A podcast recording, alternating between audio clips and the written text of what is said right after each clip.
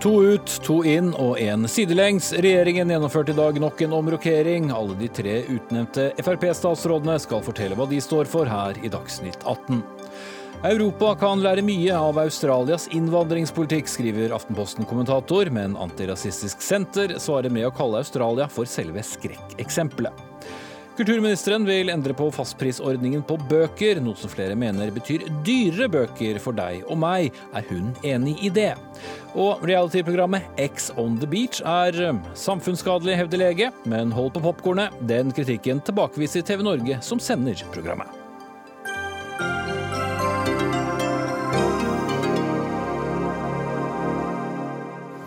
Da ønsker vi velkommen til fredagens Dagsnytt med Espen Aas, der vi selvsagt starter med dagens store politiske sak. For i dag er det altså offisielt. To statsråder forsvant ut, en flyttet på seg, og to nye kom inn i regjering. Og i den grad noen lurer på det lenger, fra i dag av heter landbruksministeren eh, Bård André Hoksrud. Samferdselsministeren heter Jon Georg Dale, og olje- og energiministeren heter Kjell Børge Freiberg. Alle fra Fremskrittspartiet. Og jeg har lyst til å møte deg først, Freiberg, som vel kanskje er det mest ubeskrevne bladet for hvert fall folk der ute. Stortingsrepresentant fra Nordland, et fylke vi ofte har vært innom når det gjelder nettopp olje. Ikke minst pga. debatten om hvorvidt det bør åpnes for oljeretting i Lofoten, Vesterålen og Senja. Og bør det det, Freiberg? Jeg hadde en veldig klar og, og, tydelig stemme i forhold til den debatten, og har alltid ment at man burde konsekvensutrede Nordland 6 og 7. Men så er det også sånn at dette spørsmålet er avklart. Eh, I denne stortingsperioden, i regjeringserklæringa, så står det uttrykkelig at det kommer ikke til å bli eh, noe konsekvensutredning. Men det må jo smerte litt når det kommer fra det fylket hvor veldig mange jo mener at det vil være helt riktig, og ikke minst eh, økonomisk gunstig på sikt?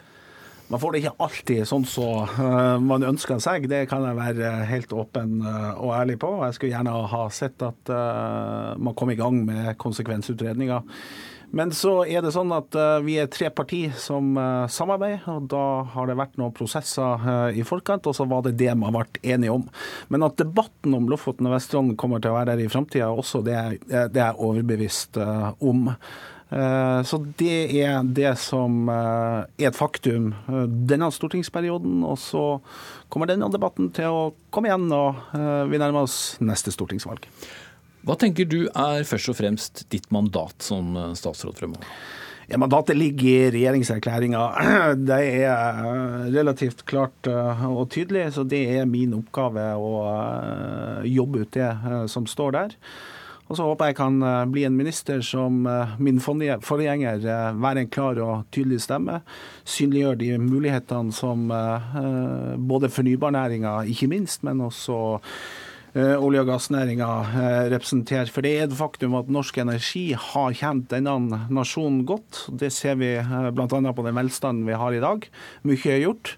Men det er de enorme muligheter både på fornybar og, og petroleumssida. Mm. Eh, jeg får plage deg med noen gamle uttalelser. Jeg mistenker at du har fått dem før i dag òg. Men eh, da det nye oljevernsenteret åpnet eh, i ditt fylke i fjor, så sa du bl.a.: Jeg skal vokte hver dag for at senteret ikke skal bli et arnested i Lofoten og Vesterålen for klimaromantikere. Hvem er klimaromantikerne? Ja, La meg si det sånn at når jeg brukte, når brukte ordet klimaromantikere, så eh, er det fordi at eh, det ser ut som at det er noen som mener at eh, nettopp de energiressursene som jeg snakka om, at vi ikke har behov for de. Og det er en gang sånn at når vi sier nei til mer fornybar, nei til olje og gass, så har det definitivt en konsekvens. Det betyr færre arbeidsplasser, og det betyr eh, også definitivt eh, mindre velstand. Så, så tenker jeg at jeg, jeg, gjerne skulle ha brukt eh, et annet ord, for jeg hadde ingen intensjon. det er jo veldig populært å si, bl.a. fra statsministeren, at man ville brukt ikke akkurat de ordene. Jo, men jeg, altså min intensjon var definitivt ikke å stemple hele eh, det eh, ordet. Men samtidig så mener jeg at vi må jo kunne ha en diskusjon om konsekvensene hvis vi skal la være eh, å utnytte de fantastiske naturressursene som denne nasjonen er gitt å ha. Og som jeg sa, norsk energi har kjent denne nasjonen godt. Det ser vi på den velstanden vi har. Mm. Neste gang du er i dette studio, så vil det mest sannsynlig være i en debatt mot nettopp noen av eh, miljøvernorganisasjonene. Det var i hvert fall stort sett det din forgjenger Terje Søviknes eh, gjorde. Eh, og Hvis noen skulle lure på det, mener du at klimaendringene er menneskeskapt? Ja. Så der er det ingen tvil? Ja, det er ingen tvil at jeg mener det. Nei. Bare for å være helt tydelig. Ja. Og selv om eh, selvfølgelig du en deler av din jobb også handler om eh, å eh, jobbe for norsk oljenæring, så vil du vel også være da en pådriver for at Norge skal nå sine mål i, i Parisavtalen? Ja da, og det mener jeg ikke er noe motsetningsforhold heller i forhold til. Mhm. Hvor opptatt er du av fornybar eh, energi? Jeg er eh, jeg er, jeg er, minst like opptatt av det som norsk olje og gass, norsk sokkel, petroleum. Uh, for det ligger noen fantastiske muligheter. Det er jo sånn at Vi har bygd ut det meste av vannkraft, det må vi jo erkjenne. Det ser vi når vi, fer, når vi reiser rundt langs Norge. Men vi har jo det meste igjen i forhold til fornybar, i forhold til vind. Uh, det være seg på land, og det være seg til ute på, på, havet. Og vi ser jo en enorm teknologiutvikling innenfor dette området, og flere og flere spennende prosjekt. Så Det kommer til å være et viktig område. Og Der mener jeg at regjeringa har gjort masse. Eh, og har en god politikk nettopp for å hente ut de eh, fantastiske ressursene som også eh, vi har på det området. Mm. Vil vi se en annen oljeminister enn Terje Søviknes i deg?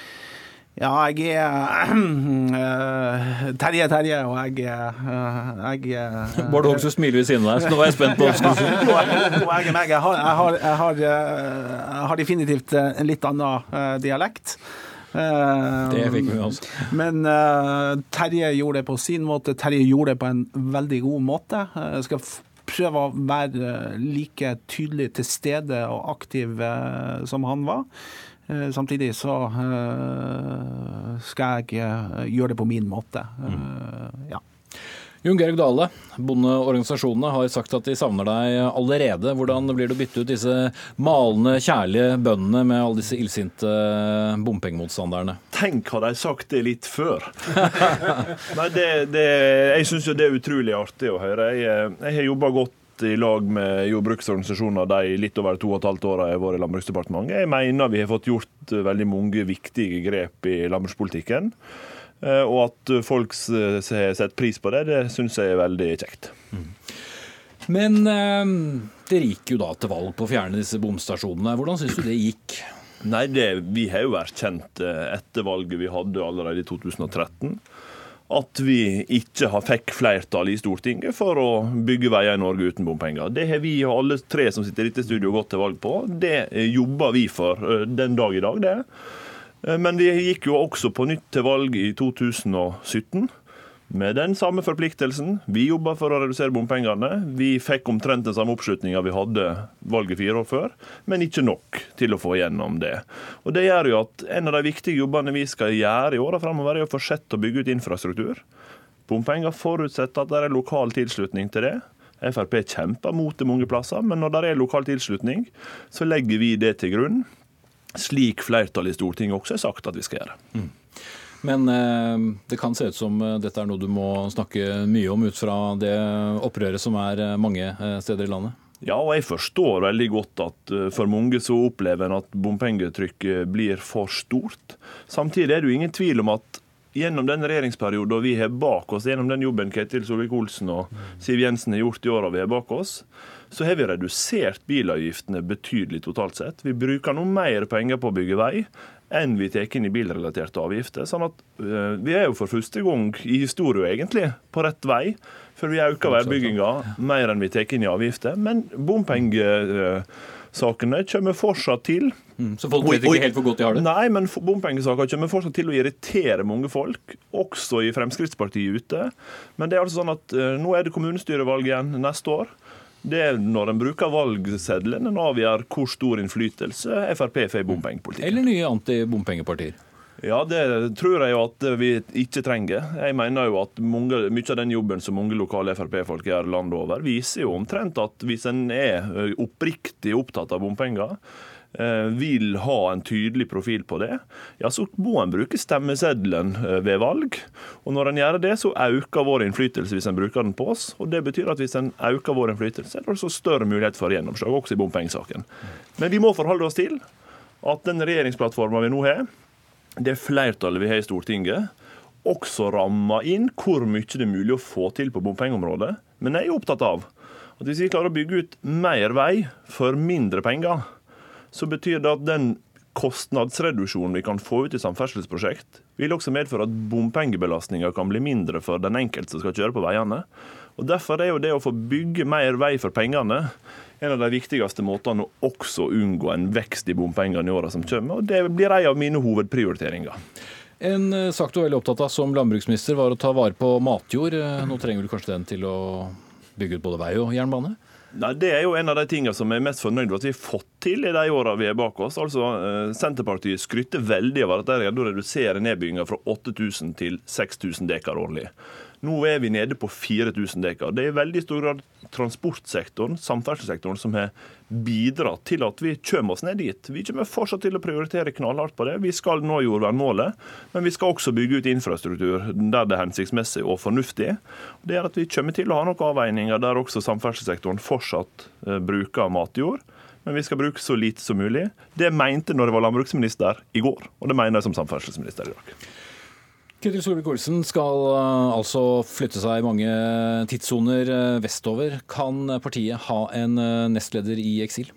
Det som er så fantastisk, er at det er opp til sentralstyret å gjøre slike vurderinger. Og Der har vi mye flinke folk som er vant Du har kanskje en mening om det, tenkte jeg? Der er mye flinke folk som er vant med å bruke hodet, og som endatil har som oppgave å gjøre det. Så det er, det er en bekymring som vi overlater til dem, og har ikke tenkt å mene noe om det. Eh, rent hypotetisk, dersom noen spurte deg, ville det vært interessant å overta også nestledervervet etter Solvik-Olsen? Da ville jeg svart at i dag er jeg blitt samferdselsminister. Det framstår som rimelig store sko å følge opp det etter Ketil Solvik-Olsen. Jeg har sagt før i dag at det ikke det føles ikke bare som å hoppe etter Wirkola, men nesten som å hoppe etter fallskjermen. Det betyr at jeg, jeg tror jeg har rikelig med arbeid de kommende ukene, og jeg er helt sikker på at hvis vi har behov for å konstituere en ny fungerende nestleder, så finnes de kandidatene i dagens sentralstyre. Men vil du sagt nei? Ja, Det vil jeg jo som en følge av det. Jeg sitter ikke i sentralstyret. Det er der de bør lete hvis de trenger konstituert nestleder. Okay. Bård Hoksrud, eh, tredjemann. Eh, du kunne sikkert gitt noen råd eh, også, som til statssekretær i Samferdselsdepartementet, men vi skal vel heller høre litt hva du tenker om å fylle Dales sko. Hva kan du egentlig om landbruk? Jeg har bare tittet på CV-en din i dag, og du, yrkeserfaringen din utenom politikken er jo fra butikk? Ja, det er butikk og dagligvareforretning. Det er også mye med landbruksvarer å gjøre. Å selge produktene og få folk til å kjøpe de. og det å, å, å, ta over etter Jon Georg Dale, det er ikke tvil om. Han ser at han får mye skryt eh, for den jobben han har gjort. Han har gjort en veldig god jobb. Han har sørga for at man har løfta fram dette med å få flere unge til å ville etablere seg i landbruket. Det syns jeg er kjempebra. For hvis man ønsker å ha en landbruksnæring i framtida, ja, så må man faktisk ha de unge, og de må ha lyst til å investere, de må ha lyst til å ville satse. Eh, så det er kjempe, kjempeviktig, og det kommer jeg til å fortsette å jobbe med. På samme måte som jeg er opptatt av at jeg har vært ombudsmann på Stortinget og hele mitt politiske virke.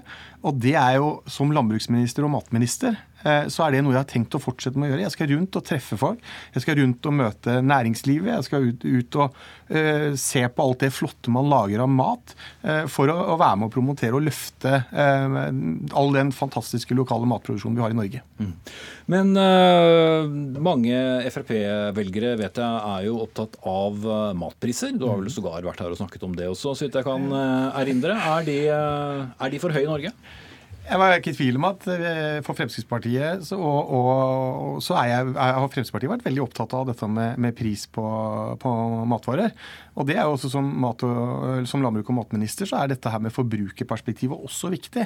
Um, og, og, jeg mener at uh, der kan vi helt sikkert gjøre mer, og det har jeg i hvert fall lyst til nå når jeg skal jobbe framover. Og se hvordan kan man være med å bidra til det, og passe på også at det forbrukerbiten også er med, på samme måte som man ivaretar landbruket og, matproduksjon på en god måte. Mm. Kan det f.eks. være økt konkurranse med å åpne for eh, import av flere landbruksvarer eh, fra utlandet? Det er ting som det er meninger om, delte meninger om. Og jeg kommer til å Som sagt, nå skal jeg bruke tida godt nå den første tida og jobbe med det. Men vi er opptatt av å se på hvordan kan man gjøre ting og omstille landbruket. Og det syns jeg også man skal ta med seg. Det har landbruket også gjort. Altså Det finnes utrolig mange der ute som er kreative, som ser på nye muligheter, nye måter å gjøre ting på. Eh, og det syns jeg er kjempebra. Det er jo derfor også man får den satsinga i landbruk og matproduksjon som det vi gjør. Så dette er kjempe, kjempemorsomt framover. Blir veldig morsomt framover. Det var jo en forgjenger av deg, om en langt tilbake i tid, som kalte det å reise til Sverige for å handle billig matvarer for, for hardhandel. Eh, du syns ikke det? Jeg, har vært på varehandel før, jeg, men nå er jeg men nå er landbruks- og matminister i Norge. Og nå er jeg opptatt av å, å heie på alt eh, det flotte som, som, vi selvfølgelig gjør i Norge. Men jeg skjønner at noen eh, gjør det. Eh, og det handler om konkurranseforhold. Men det er derfor vi er så opptatt av å jobbe for å bedre konkurranseforholdene. Og, og se hvordan man kan hjelpe både landbruk og matprodusenter til å, produsere både enda bedre, som de er veldig gode, kanskje best i verden, men også kanskje å gjøre det billigere for å kunne konkurrere enda bedre. Mm.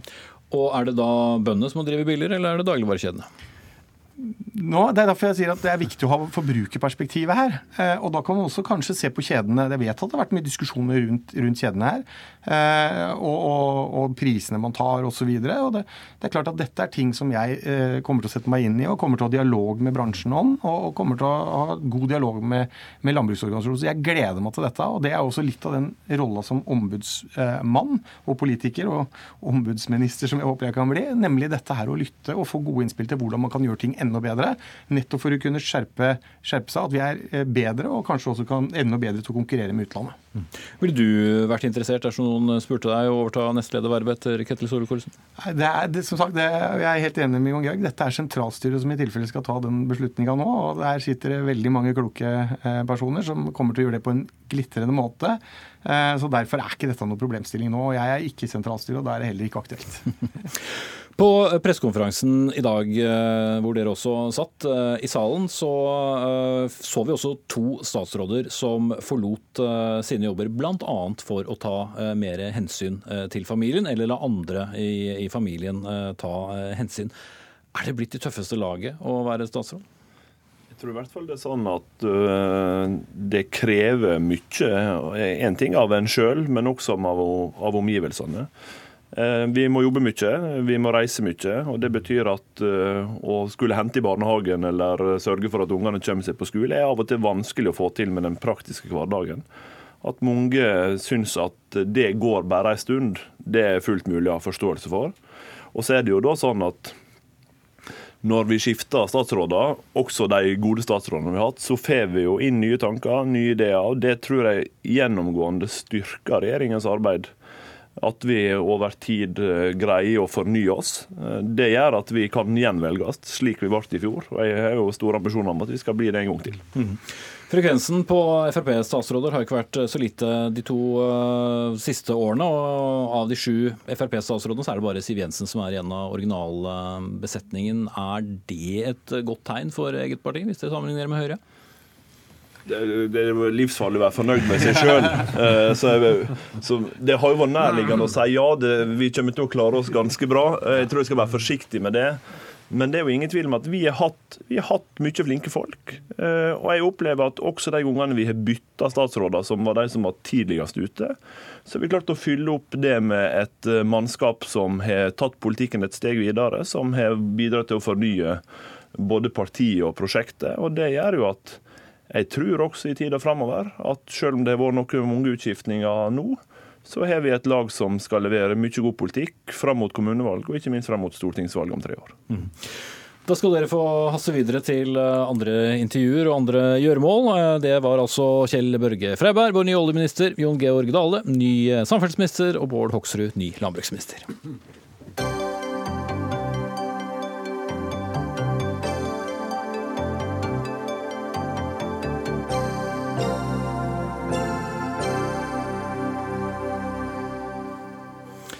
Vi skal uh, snakke mer om uh, politikk, uh, vi for så vidt, og også gar tanker som ikke har vært ukjent i Fremskrittspartiet. Så langt i 2018 så har 57 571 flyktninger og emigranter kommet sjøveien til Europa. Det viser opptellingen som Den internasjonale organisasjonen for migrasjon gjorde i utgangen av juli. Av disse døde 1514 på veien. Altså av over 57 000. Og Therese Sollien, du er kommentator i Aftenposten. I en kronikk i din avis så skriver du at disse tallene kunne vært langt lavere hvis Europa hadde latt seg inspirere av Australias innvandringspolitikk. Hvordan da?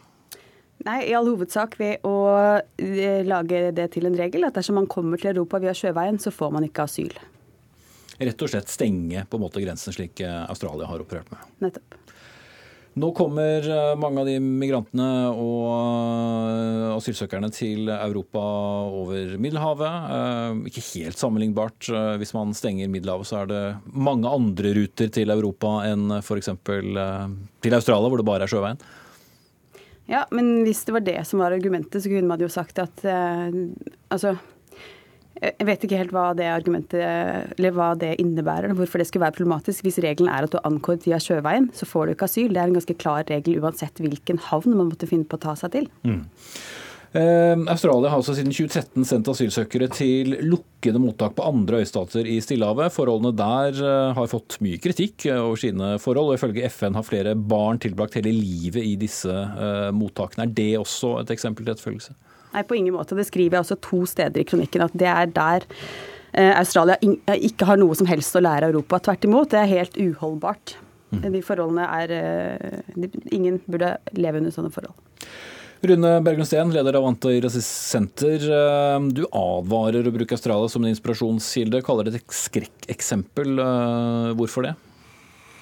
Altså, vi er enige om, om, eh, om, at eh, hva Australia gjør er dypt problematisk, og, og hvordan mennesker behandles i de interneringsleirene. Det jeg tror vil være litt naivt, er å tenke at det ville være så mye bedre hvis vi gjorde det. Jeg skjønner ikke hvordan det skulle være mulig. Ville vi ikke eh, begrense trafikken over Middelhavet f.eks.? Det er isolert sett et, vel, altså et viktig hensyn. fordi jeg tror vi er også enige om at situasjonen i Middelhavet er grusom.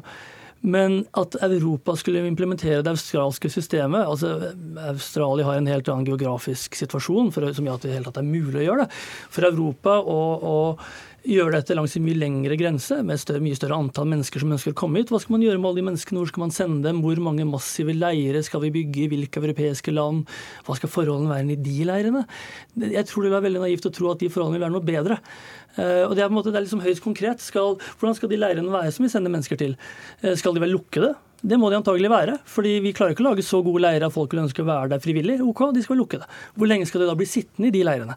Hva skal vi gjøre når folk flykter fra dem? Skal vi jage dem med helikopter og hunder? Altså, Rent sånn konkret hvordan dette skal implementert, det er liksom der problemet ligger. Det er ingen av oss som er, er på noen måte fornøyd med dagens internasjonale asylsystem. Problemet er bare at det er vel ingen av oss som ser gode veier framover. Og de veiene som gjerne blir foreslått, for meg, de blir solgt litt under altså gode intensjoner noen ganger. Noen ganger ut fra innvandringsmotstand, men også gode intensjoner. Men det er viktig å liksom ha med seg at, at det er ikke så store grunn til å tro at det ville gå bra. Vi, vi, Men er det en god ordning sånn som eh, den er? Altså, mange vil peke på at sånn dette er uh, ikke bra på, på, noen måter. Også fordi den politiske debatten har jo også endret seg veldig i uh, en del land i Europa pga. det mange mener har vært en for stor innvandring. Mm. Og Det er der problemet ligger. ikke sant? Vi skal forhandle frem, jobbe frem et nytt system i en situasjon hvor, hvor det man egentlig trenger for å reformere systemet, er mer solidaritet, mer ressurser, men hvor veldig mange land egentlig er ute etter å bruke mindre, og, og, og hvor de humanitære hensynene opererer side om side med, med innvandringsmotstand, innvandringsfiendtlighet. Uh, og, og, for å se hvordan liksom et sånt system ville være. Det er ikke sånn at ikke vi ikke har leirer i Europa i dag. Det er å se på de greske øyene. Det er ikke noe grunn til å tro at vi kommer til å være noe greiere enn Australia, fordi vi er det egentlig ikke. Så, så jeg, tror, jeg, må si at det liksom å jobbe med asylsøkere i 20 år er ganske desillusjonert. Vi har en situasjon i Europa hvor det er veldig vanskelig å se at det finnes vilje, politisk kapital til å gjøre noe som virkelig vil monne. Men samtidig så må liksom de som, som, som, er opptatt av flyktningesak, fortsette å insistere på at det er faktisk ikke den krisen vi gjør det til. Det er ikke umulig for oss å gjøre mer innenfor dagens system. Man kan forbedre de leirene som finnes unngå at så mange ønsker å reise videre. Det er stadig ting som kan gjøres. Vi kan begynne å hente flere folk ut av de, de leirene. Mm. Eh, Solin, ja, til det mer praktiske som, eh, som, som Sten tar opp her. En ting er at man ikke kommer med båt, men det er vel ikke det samme som at de reiser tilbake der de kom fra den grunn? Eller? Nei, eh, det er klart at det er jo ikke noen perfekt eh, løsning her. Jeg er opptatt av å få slutt på én ting, og det er tusentalls mennesker drukner hvert eneste år i et forsøk på at én promille av verdens 50 millioner flyktninger skal ha en mulighet til å ta seg til Europa. Så Hvis poenget var at vi, ha, vi kan ikke nekte folk å reise til Europa, vel det gjør vi allerede. Hadde det vært liksom, flyktningenes sikkerhet det dreide seg om, så ville vi tillatt at, at, de reiste med fly. Det er allerede billigere å reise fra Beirut eller Tunis til Paris eller Berlin via fly, men de kan ikke sette seg på et fly, for de får ikke visum til Europa hvis hensikten er å søke asyl. Så det at man liksom skal dytte flyktningene foran seg i, i en argumentasjon her, jeg forstår det, men det er samtidig ikke noen god løsning, det heller sånn som det er i dag. Og da lurer Jeg på, ok, jeg tror vi er veldig enige om hva formålet er, nemlig å begrense trafikken over Middelhavet og få slutt på dødsfallene. Jeg, men vi er nok ikke helt nødvendigvis enig i hvordan, hva slags handlingsrom Europa har. I Australia bor det 24 millioner mennesker, i Europa bor det 741 millioner. Vi har selvfølgelig helt eh, enormt budsjett sammenlignet med Australia til å ivareta dem som måtte finne på å ønske å komme. Mm. Ja, Sten, har du noen tanker om hva vi kunne begynt uh, å gjøre? Mm. Jeg må bare si på, på samtidig at Det er jo en mye lengre og mer komplisert grense å bruke pengene på. Det er langt flere mennesker det var snakk om skal håndteres. Uh, nei, men altså, det har vært prøvd mye. Begynner... Sette opp gjerder, slå tilbake de som prøver å, å komme ut. Så ja, mye har vært gjort. Men det er, altså, man begynner gjerne disse diskusjonene med stengslene. Uh, per i dag så har vi en hel masse leire, og det er åpenbart ingen som har lyst til å reise til de leirene hvis ikke de absolutt må. Det er fullt mulig å investere mer i nær, nærområdene og jobbe for å lage mer reelle muligheter i nærområdene. Eh, og begynne litt mer der. Man begynner gjerne med stengslene, så får man stengslene på plass. Og så gjør man ikke noe særlig den andre enden. Og det er liksom sånn situasjonen har vært hele tiden. Eh, så jeg er veldig redd for å gå bort fra asylretten av en enkel grunn. Det er liksom det, er, det er den grunnleggende rettigheten ellers rettighetsløse mennesker har. Og å ta det fra dem, det er å ta fra dem nesten liksom omtrent det eneste de har av rettigheter på sin side. Og hvis Europa begynner å tukle med den, så er det viktig å huske at det får globale konsekvenser òg. Det vil påvirke hva andre land gjør, hva de tillater seg å gjøre med mennesker på flukt. Så, så, jeg forstår fortvilelsen bak, og jeg deler fortvilelsen, men, men, men i den nåværende situasjonen så, så, så, så, jeg si at, at de fleste veier folk har rista opp framover, er gjør det verre. Så er det viktig å huske ja, bare, at, bare ta opp, eh, Hvis vi ser litt på tallenes tale, som også Solin er innom i, eh, i kronikken her, da, altså i, i, perioder hvor de har hatt strenge, så i, forsvant jo eh, nærmest innvandring. Det de eh, åpnet litt opp igjen, eh, så økte antallet. Er det ikke verdt å prøve? Et, for Europa selv må det et mye mer massivt system til på plass. Og, og, og, vi skal ikke være naive om at det systemet vil være til spor mer humant.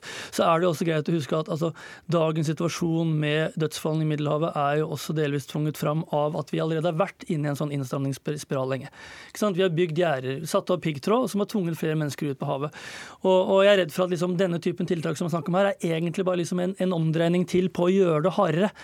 Uh, og, og, da bekymrer meg litt liksom hvor, hvor, vi egentlig er på vei. Mm, ja, når det gjelder humanismen, så, um, så, vil jeg jo bare nok en gang uh, gjenta at det finnes 50 millioner mennesker som er på flukt i verden. UNHCR er systematisk underfinansiert. Allerede i 2015 så måtte matrasjonene til de syriske flyktningene i Jordan, som det da var 800 000 av, få matrasjonene sine halvert fordi UNHCR, altså FNs høykommissær for flyktninger, gikk tomme for penger. Så det er til enhver tid mange glemte kriser. UNHCR har fått inn halvparten av pengene de trenger for å hjelpe flyktningene i Venezuela i dag. Hvor er sympatien for dem? Hvorfor skal sympatien til enhver tid ligge hos den ene promillen som lykkes å vinne i det dødslotteriet som er den reisen over Middelhavet? Det syns jeg ikke er mye humant. Men UNHCR vil også være de første til å gå imot denne typen scenarioer. De vil være første til å advare mot å undergrave asylretten fordi de mener at dette er mer risikabelt enn det flyktninger på noen måte vil, vil vinne på det. Mm. Men, det, eh, unnskyld, men det handler ikke om å uh, undergrave asylretten. Asylretten skal selvfølgelig bestå, men den asylretten er basert på en helt annen situasjon enn når man har store migrasjonsstrømmer på tvers av kontinenter. Det er laget for en annen tid. Selvfølgelig skal man ta vare på de som er politisk forfulgt, og de som av andre grunner ikke kan være uh, der hvor de er. Men det er ikke nødvendigvis riktig at man skal belønne den ene promillen av mennesker som har ressurser til å betale en menneskesmugler for å ta seg over en livsfarlig vei til, til Europa, når man har stengt alle andre innfartsårer. Jeg ser ikke hvorfor det er spesielt spesielt humant. Men hvilken asylrett har man hvis man sitter innesperret i en leir årevis, hvor Ja, veldig man- få europeiske land kommer til å ville hente dem ut. eh, hvor De da ikke kan, de må eventuelt flykte for å komme seg ut av disse leirene. eventuelt. Altså, vi er ikke i stand til å tilby dem noen vei ut, og da har man ikke en reell asylrett hvis asylretten er å sitte i en leir. Ja, jeg har eh, i hvert fall per nå bare en eh, grense, eller begrensning snarere, og det er eh, tiden. Jeg sier takk til Therese Sollien, kommentator i Aftenposten, og Rune Bergmen Steen, leder Antirasistisk Senter.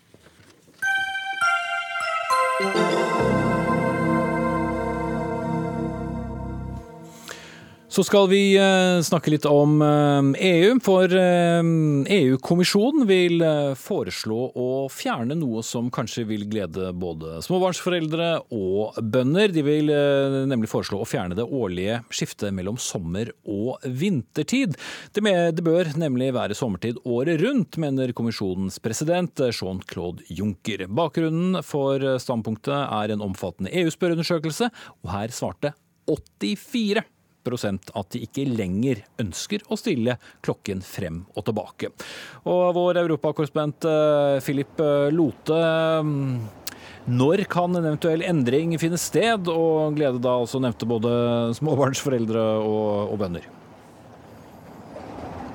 Den vil finne sted eh, 2020-2021 eh, hvis da EU-parlamentet og de ulike nasjonale parlamentene eh, går inn for dette her blant EUs medlemsland. Det var på tysk morgen-TV i dag at Jean-Claude Juncker sa at de har spurt millioner av EU-innbyggere. eh, og Millioner vil ha sommer hele året, sa han eh, litt muntert. Og så gikk kommisjonen inn for det i løpet av eh, dagen.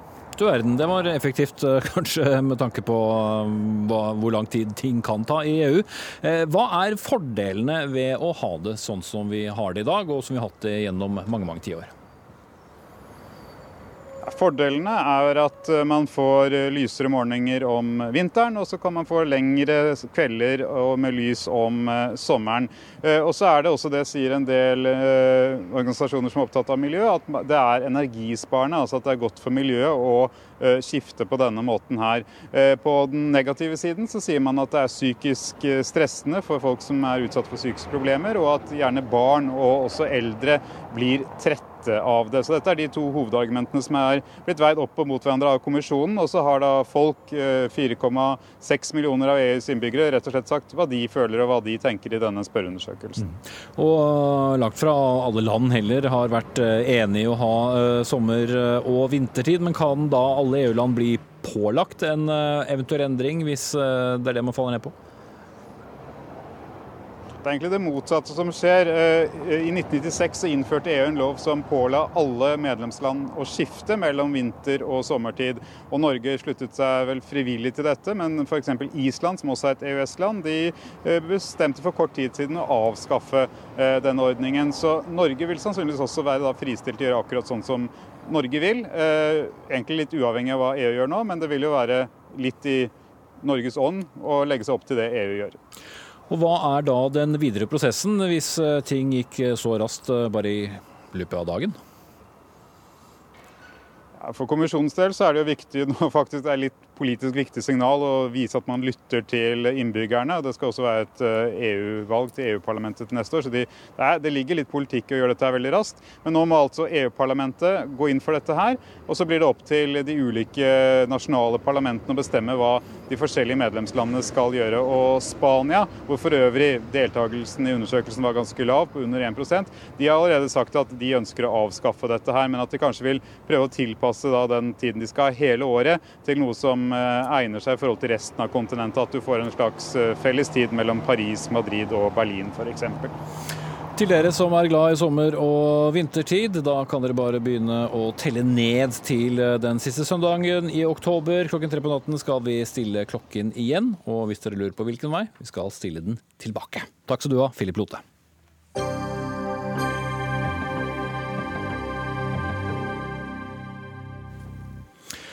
Boksalget det går eh, kraftig nedover. Det viser nye tall, og det har eh, skapt eh, bekymring i bokbransjen. Derfor sto jubelen i taket hos mange i den bransjen da kulturministeren nylig sa at hun vil endre fastprisordningen for bøker, som vil bety at flere bøker vil selges til fastpris i en lengre periode enn i dag. For kort fortalt innebærer denne fastprisordningen at du betaler en fast pris på nye bokutgivelser i en viss periode, og dette er igjen en sentral del av bokavtalen, som igjen er det kulturpolitiske grepet for å sikre bl.a. at vi leser og kjøper bøker her i kongeriket. Men eh, Joakim Lund, kommentator i Aftenposten, du skriver i din avis at dette er helt feil medisin for å redde et sviktende boksalg. Hvorfor det? Uh, ja, jo, for, altså fordi at Formålet med bokavtalen, eller i hvert fall den viktigste delen av det, handler jo om nettopp å fremme utgivelse og salg av uh, norsk uh, litteratur. Og så viser de helt ferske tallene fra Forleggerforeningen at salget stuper. På skjønnlitteratur så har det i første halvår i år falt med 13% sammenlignet med samme periode i fjor. Sånn at å, å, gjøre et sånt eksperiment akkurat nå En kan jo tenke seg at hvis da Eh, konsekvensen blir at en del bøker blir dyrere, så er det i hvert fall ikke salgsdrivende og kan gjøre situasjonen verre for bokbransjen. Ja, Trine Skei Grande, kulturminister med oss eh, på linje. Du har ikke altså bare fått eh, ros for dette. Hvorfor vil du endre på fastprisordningen slik den er i dag? Nei, Det vi endrer, er ikke lengden på fastprisen, men det er det at det ikke blir, at ikke bøkene faller fri, for å si det sånn. Altså at fastprisen oppheves på en fast dato, som handla med prislister i gamle dager og utsending av brev fra forlagene om pris. Nå kan vi gjøre dette mye enklere med dagens teknologi, så det er egentlig en teknologisk oppdatering. Så det er ikke en, en økning egentlig av perioden. Det, men hva, hva, hva konkret betyr dette da? Er det ikke slik at det nå skal gjelde fastprisordning fra utgivelsesdato, så ett år eh, frem i tid, mens eh, til nå så har, det, har den eh, gått da fra en fast dato til en fast dato? Ja, det med, Nå går det da tolv måneder fra det tidspunktet. Men det ligger jo mange andre elementer her. F.eks. at hvis man da Eh, publisere disse bøkene på et nytt format, så har det før vært en ny fastprisperiode som går. Den foreslår vi nå å kutte dramatisk i, at det enten blir tre, seks eller ni måneder vi har sendt på høring for å få det. Og så må vi jo få med oss at den store utfordringa for boksalget er jo klar å få opp salget av e-bøker. Og der har jo vi i regjeringa lova at nå skal vi jobbe for å få fjerna momsen også på de elektroniske utgavene. Det vil føre til at prisen går ned. Det vil føre til, også tror jeg, at flere vil komme til å lese elektroniske bøker, og at vi får bedre salgskanaler og markedsføring av å gjøre det. Men det som er selve hovedproblemet med, med analysen til Aftenposten sin kommentator, er jo at man ser bare på ett virkemiddel, nemlig pris. Og bøker vet vi er egentlig ganske lite prissensitivt. Altså det er ikke pris som avgjør at folk ikke kjøper flere bøker, det er veldig mange andre deler. Men hvorfor da ha denne prisavtalen som skal gjelde et eh, år, slik at boken eh, koster eh, da det høyeste i, i et helt år, og ikke f.eks. i sju-åtte måneder, avhengig av når den blir gitt ut som i dag? Ja, Det er fordi at vi har et, et veldig stort sett av regler for å påvirke norsk bok marked. Det er innkjøpsordninga, det er momsfritaket, det er fastprisordninga, det er skaffeplikten, det er leveringsplikten, det er normalkontraktene og det er hele stipend- og vederlagsordninga. Dette er et, det er et ganske skjørt byggverk. Og det skjøre byggverket har faktisk ført til at vi har hatt en veldig suksessfull bokbransje i Norge. Vi har veldig mange flotte forfattere. Vi har veldig mange som lever av å være forfattere. Vi har veldig mange forlag. Vi har veldig mange titler. Så dette har vist seg å være en suksess suksessfaktor. Og så blir jeg litt oppgitt når man er så eh, Altså, det er faktisk sånn at veldig mange andre land har lengre avtaler på pris enn hva vi har. Små, det er jo ikke akkurat sånn små språkland heller. Frankrike har to års Eh, fastpris. Spania har to år pluss seks måneder ved innkjøp. Portugal har 18. Østerrike har, nei, Tyskland har 18. Altså Norge er blant de laveste fastprisperiodene i hele okay. Europa, sånn som det er nå. Da skal eh, Joakim Lund få kontor igjen. Ja, men eh, det at det finnes en fastprisordning er jo heller ikke det jeg kritiserer. Men bokavtalen er kontroversiell. Det er viktig å huske på. Da Telemarkforskning evaluerte den i 2009, slo de fast at den ikke fungerer etter hensikten. Konkurransetilsynet mener at den bør avvikles. Eh, av to grunner. Fordi den er et lite treffsikkert kulturpolitisk virkemiddel. Og fordi leserne er tjent med at forleggere og bokhandlere står mest mulig fritt i kampen om å vinne lesere. Og Dette gjelder jo også i kampen om å vinne digitale lesere. sånn at den trege eh, tilveksten i det norske markedet kan jo kanskje til og med tilskrives eh, bokavtalen. Så det er helt riktig at det er et skjørt eh, byggverk, men da kan det være en dårlig idé å begynne å stokke om på eh, grunnmuren. Mm. Eh, og Trine Skei Grande, Ifølge Klassekampen så vil da denne endringen fastprisordningen bety at 65% av bøkene blir dyrere. og Hvis det er riktig, så hørtes det jo ikke så fornuftig ut. Jeg har ikke sett noen beregninger som lader grunnlag for en sånn påstand. Sju av ti bøker som selges i Norge har ikke fastpris. Det er det aller største andelen av markedet. Det er bøker som har fallet fri. Men det man må skjønne at hvis vi ikke har disse avtalene, så ryker også det andre delen av avtaleverket. I dag er det sånn at når du går inn på en hvilken som helst bokhandel i Norge, så har de en plikt til å levere den boka som er gitt ut i Norge. Altså de har en skaffeplikt til deg som leser. Når du går inn i en bokhandel i dag, så har har vi et abonnement som gjør at alle bokhandler har et visst spekter av norske bøker. Disse tingene er det jo ingen grunn til at bokhandlere skal holde på, hvis ikke vi holder vår del av avtalen.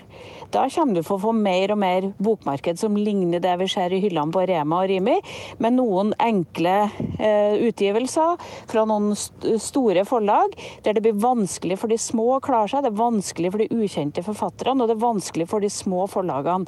Jeg vil jo gjerne kjempe for de forfatterne vi ikke vet er gode ennå. Jeg vil kjempe for de forlagene som er små, og jeg vil kjempe for alle de andre aktørene inn her. Og Da må vi sørge for å ha et apparat som gir oss bredden av norsk litteratur, for det er det norske borgere fortjener å få. Men å hevde at, eh, hevde at, den eh, velfungerende bokbransjen er velfungerende pga. bokavtalen, det er jo i beste fall eh, ren gjetning. Eh, og, og, da gjette på at det vil fungere enda bedre ved å regulere enda hardere, det er også en veldig risikabel strategi. Men Lune, bare for å spørre deg, eh, mener du vi ikke burde hatt en bokavtale? Nei, jeg mener egentlig ikke det. Altså. Og det er mange som mener det, eh, som sagt. Men jeg tenker at nå fungerer bransjen sånn i det store og det hele ganske bra. Så jeg tror kanskje det mest fornuftige er å sitte litt stille i båten. Kanskje liberalisere forsiktig, men i hvert fall ikke eh, begynne på et fire år langt eh, eksperiment med en bransje i fall. Ja, for det er også en del av dette, eh, Trine Skei Grande. Du vil også endre varigheten på bokavtalen fra to til fire år. Er det klokt i en verden som endrer seg så mye som vår? Ja, nå var det vel Lund som argumenterte akkurat for mer forutsigbarhet. og det, Jeg mener det er viktig å ha forutsigbarhet i denne næringa, fordi den er en svær omstillingsprosess. Og Da må noen faktorer faktisk være, være, være, stabile for å kunne foreta de investeringene som vi vet at vi trenger på hele dette feltet. Men Er du uenig andre... med Konkurransetilsynet, som mener at det virker stikk i strid med hensikten? Jeg mener at Konkurransetilsynet har som formål å angripe denne type avtaler. Jeg har som formål å se på hele litteraturtilbudet vårt. Og det er klart at hele bokbransjen vår er veldig regulert. Og Hvis vi skal ha frislipp på det ene, så må vi ha det på det andre. Og I dag har du solidariske avtaler f.eks. For mellom forfattere, som gjør at alle dem som selger mye, gir noen penger til dem som selger lite, for å sørge for at vi får et mye større bredde og mangfold. Og Dette har vi jo lyktes med i mange år. Det er ingen grunn til å endre det. Og Det er ingen store endringer vi har lagt på gulvet nei, i bordet. Vi har sagt at tolv måneder skal fortsatt være tolv måneder, men det må kunne regnes ut fra dato. Og så har vi sagt at vi må være åpne for å slippe opp på de andre formatene og gjøre, gjøre tida kortere på det. Da tror vi at vi får til den dynamikken som nå trengs. Små knepp i avtalen, det er den som er med å utvikle litteraturpolitikken på dette området. Ok, da får vi se om ikke det blir da skrevet et nytt eh, kapittel uh, i sagaen om fastprisavtalen. Takk til Joakim Lund, uh, kommentator i Aftenposten, og kulturminister Trine Skei Grande.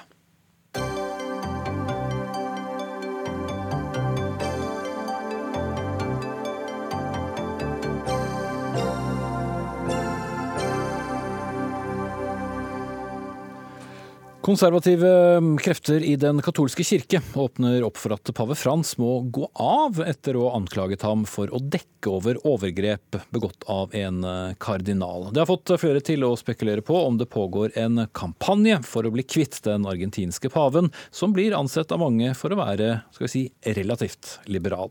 Og Bernt Oftestad, professor emeritus i europeisk kulturhistorie ved MF vitenskapelig høgskole. Eh, vi må nesten begynne med det som har utløst hele denne konflikten. Altså en overgrepssak hvor, eh, som en granskingsrapport har fortalt om, eh, som består av 1000 overgrep begått på barn av mer enn 300 katolske prester fra 1947 og opp til i dag. Hvordan har eh, disse opplysningene blitt mottatt i den katolske kirken? Ja, Dette er jo en lang historie. Den bryter ut for fullt ved 2000-årsskiftet. Og dette som du nevner nå, fra Pennsylvania, det er den siste biten. Og så kommer det da uh, et problem opp. Hvordan oppstår krisen? Hvordan, uh, hvordan skal den løses? Den oppstår ved at kirkens ledelse, altså biskoper, særlig i USA den gangen, de, brukte, de hadde stor makt, og de brukte de hadde stor mulighet til å holde ting hemmelig. Derfor ble overgripere sendt til nye kirk, nye menigheter og andre steder uten at noe ble sagt. Og så fortsatte det. Dette blir det rabalder om og voldsom affære rundt 2000. Og så skjer det da videre en del eh, avdekkinger i Irland og flere andre steder, så blir det tydelig at dette er et svært problem i den katolske kirke. Dette som går på paven, det kan vi, og den striden du snakker om, eller få han vekk og slike ting, det er en det er en strid som skyldes at man samtidig som man får overgrepssakene, så får man, har man en stor strid om hvordan Kirken skal forholde seg til det moderne demokratiets eh, seksualmoral. Det gjelder ekteskap, det gjelder homofili, det gjelder abort, det gjelder en rekke av de spørsmålene som stadig er oppe. Kirkens lære er klar, den avviser homofile samliv, avviser abort osv. Så, videre. så er det da sterke krefter i den katolske kirke som ønsker å forandre dette. Mm. Det vet man jo. Det som da skjer, er at eh, man oppdager at i denne prosessen så blir det lagt vekt på at alle overgrepene er pedofile overgrep. Og det er det også. Mm. Og det er også selvsagt heterofile. Men det man fortier, det som ikke kommer frem, er at i flere målinger viser at det er 81% er av homofile på mannlige, eller mannkjønn. 71, 75% er på Eh, gutter, eller voksne gutter, fra eh, tidlig, altså fra 13-14-årsalderen og oppover. Og da kommer dette inn i, dette, i, denne konflikten om hva er det Kirken skal lære om disse grunnspørsmålene. Mm. Og så kommer paven inn, som man føler er eh, Hvor er han hen i dette bildet, kan ja. vi si. Ja og, ja, og hvor er han? Hva, hva svarer han? Det som er problemet, syns jeg, det er at på den ene side så eh, går han ikke ut mot kirkens lærere og sier at, at, at nå får vi endre dette dogmet eller denne læresetningen. Han gjør jo ikke det.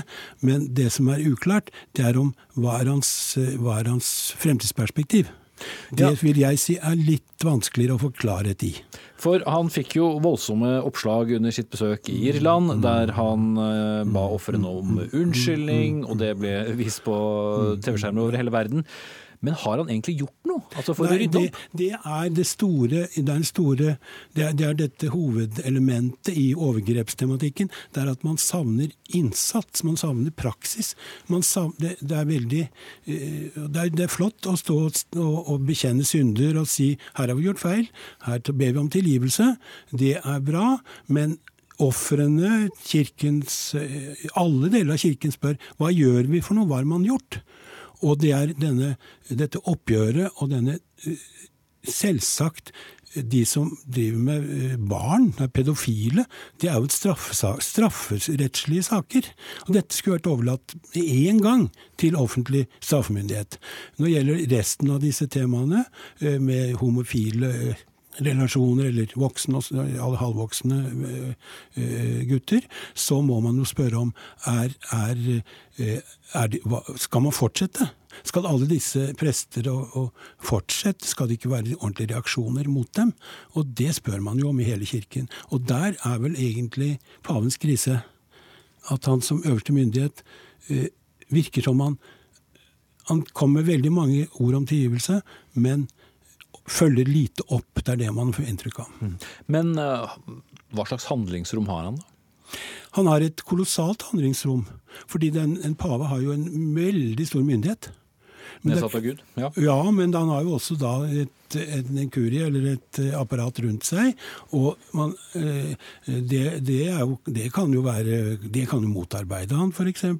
Pave Benedikt Ratzinger han sa at 'min makt går jo ikke lenger enn til døren'. Nei. Så her er det et problem. Men han har stor makt, og det kan jo ikke være at paver altså ikke bare Frans, men vi kan godt gå tilbake til 90-tallet. De har vært for, de har vært for lemfeldige med dette. De har ikke tatt det tøft nok. De har vært satt inn ting, det er helt klart. Men det har ikke vært med den tyngde som det skulle ha vært. Mm. Så bare for å, å, å runde av ja. dette, så forestillingen om at han er en mye mer liberal eh, pave, handler mest om ord og mindre om eh, handling? Det, det, altså det, det, tør ikke jeg si noe særlig om, men han, har, han virker som han har et dobbeltperspektiv. Han vil gjerne ha et konservativt element i kirken, men han vil gjerne også ha et liberalt. Mm. Og det, det kan jo ikke gå sammen. Det er det som er problemet. Takk skal du ha, Bernt Oftestad, professor i europeisk kulturhistorie.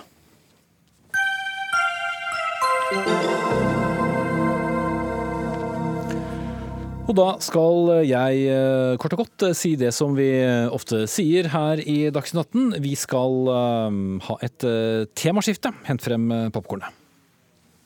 Adrian. Kunne du ha trekant med Henrik og en av jentene her? Absolutt! Absolutt! Du kunne ha trekant alene med Henrik.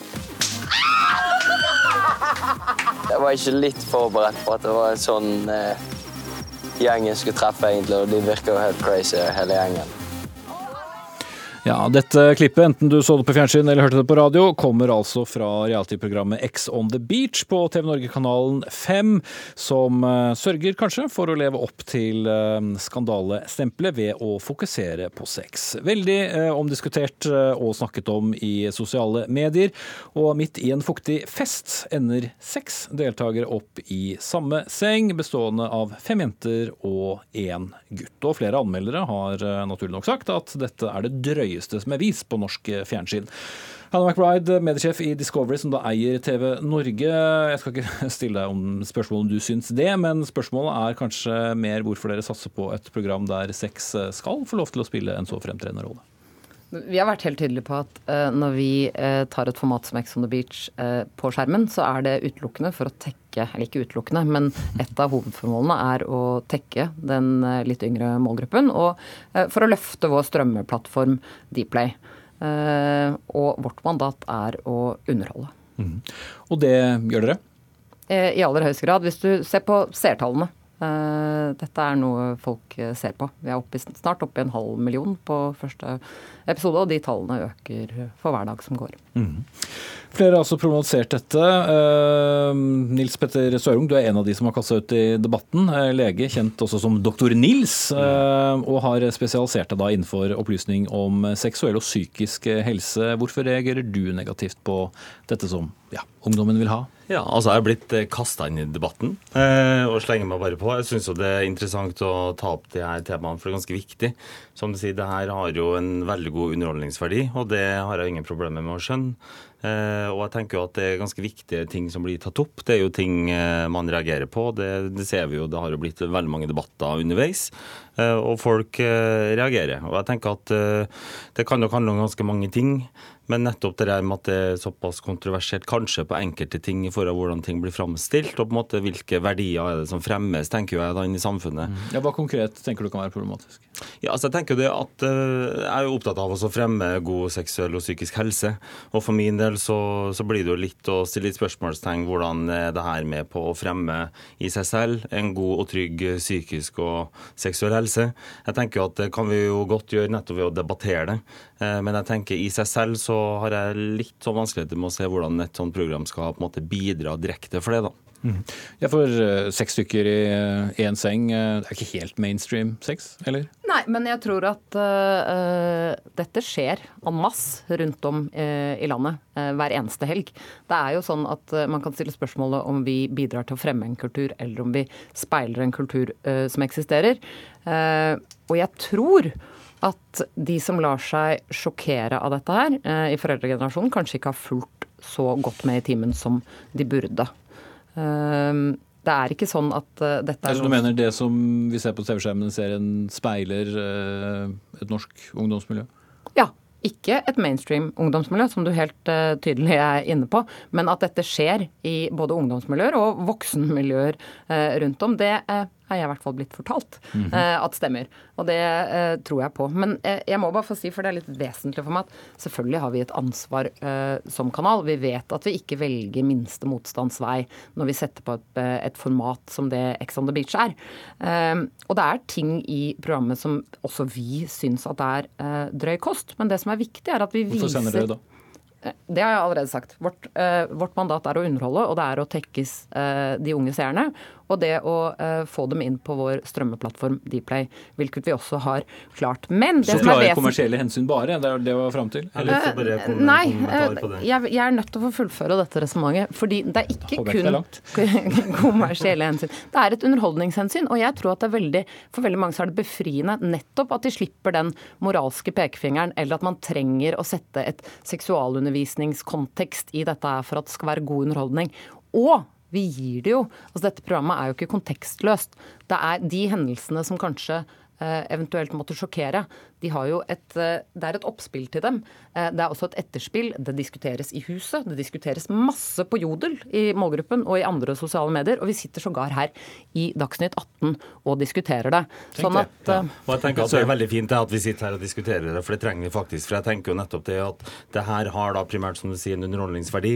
Og jeg tenker jo at ut ifra et såsted hvor man skal fremme god seksuell og psykisk helse, så tenker ikke dette her at det er noe som fremmer det direkte gjennom det vi faktisk ser. Og jeg tenker det er veldig mange ting som foregår. Jeg tenker jo Én ting er i forhold til deltakerne som da melder seg på.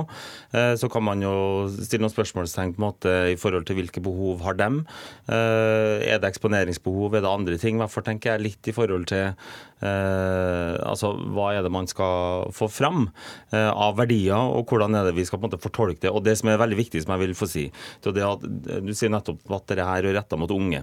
Og Det vi vet med ungdommer unge, nettopp de har jo ikke en ferdig utvikla fremre del av hjernen som er faktisk vesentlig for å kunne faktisk sette sånne ting i sammenheng med å prosessere hva er det faktisk jeg ser på, eh, hvordan skal jeg tolke det, hvordan skal jeg forstå det, og hvordan skal jeg bruke det i forhold til konsekvensanalyse og sånne ting. Og jeg tenker at Det er faktisk en forskjell på oss voksne som kan sitte her og faktisk ha noen, kanskje noen kloke refleksjoner rundt programmet kanskje skjønner at dette her er ikke faktisk helt uh, virkelighetsnært.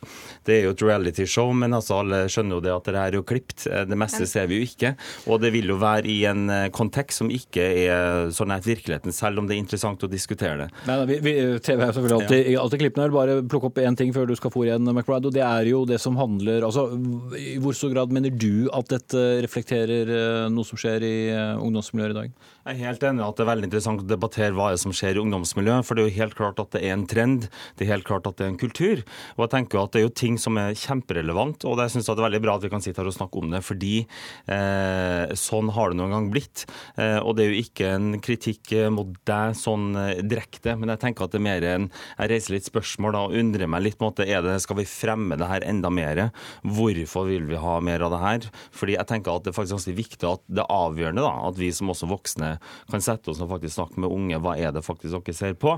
Men du, det, er, det er du og jeg helt ja, enig i. At, at uh, dette er et program med en aldersgrense. Uh, og at hvis verdisettet som speiles i Ex on the Beach uh, ikke ligger nært det du ønsker at din familie skal ha, så har du et ansvar som mor eller far eller som omsorgsperson å ta opp disse tingene. Men jeg liker ikke helt ideen om at noen skal sitte med fasiten på hva som er et godt verdisett, eh, et verdisett, eller hva som er riktig måte å ha sex på. Om en jente skal spare blomsten sin til den eh, virkelig rette kommer rekende på ei fjøl på en eh, hvit hest. Det jeg er litt opptatt av, er at jeg tror at uh, den yngre målgruppen undervurderes litt her. Uh, når det antydes at de trenger fagpersoner for å manøvrere de diskusjonene som oppstår i kjølvannet av sex på TV. Tenker, hvis jeg kan ta en veldig kort ting helt til slutt, fordi klokka går nå. Men en omdiskutert eh, episode er jo hvor to jenter tar med seg og nærmest dytter med seg en gutt uh, til sengs. Ville det vært greit hvis det hadde vært omvendt, f.eks.? Det første jeg vil si om den saken, er at jeg er så glad for at Åsmund Stemland eh, i dagens Aftenposten 20 år gammel gutt som reagerte på 20 dette? 20 år gammel gutt. Vet du hvor mange journalister som har hatt påsynskopi av den episoden uten å fange det opp? Vår vurdering der har vært Du har ikke sett ett eneste klipp av det der i sosiale medier med oss som avsender, fordi for oss har det vært vesentlig å ha konteksten. Det som skjer okay. før, hvordan de diskuterer det i programmet i Og etterkant. her må jeg klippe av og si at ansvarlig for sendingen var eh, Solveig Tvedt, teknisk ansvarlig Finn Lie. Her i studio, Espen Aas. Vi er tilbake på mandag.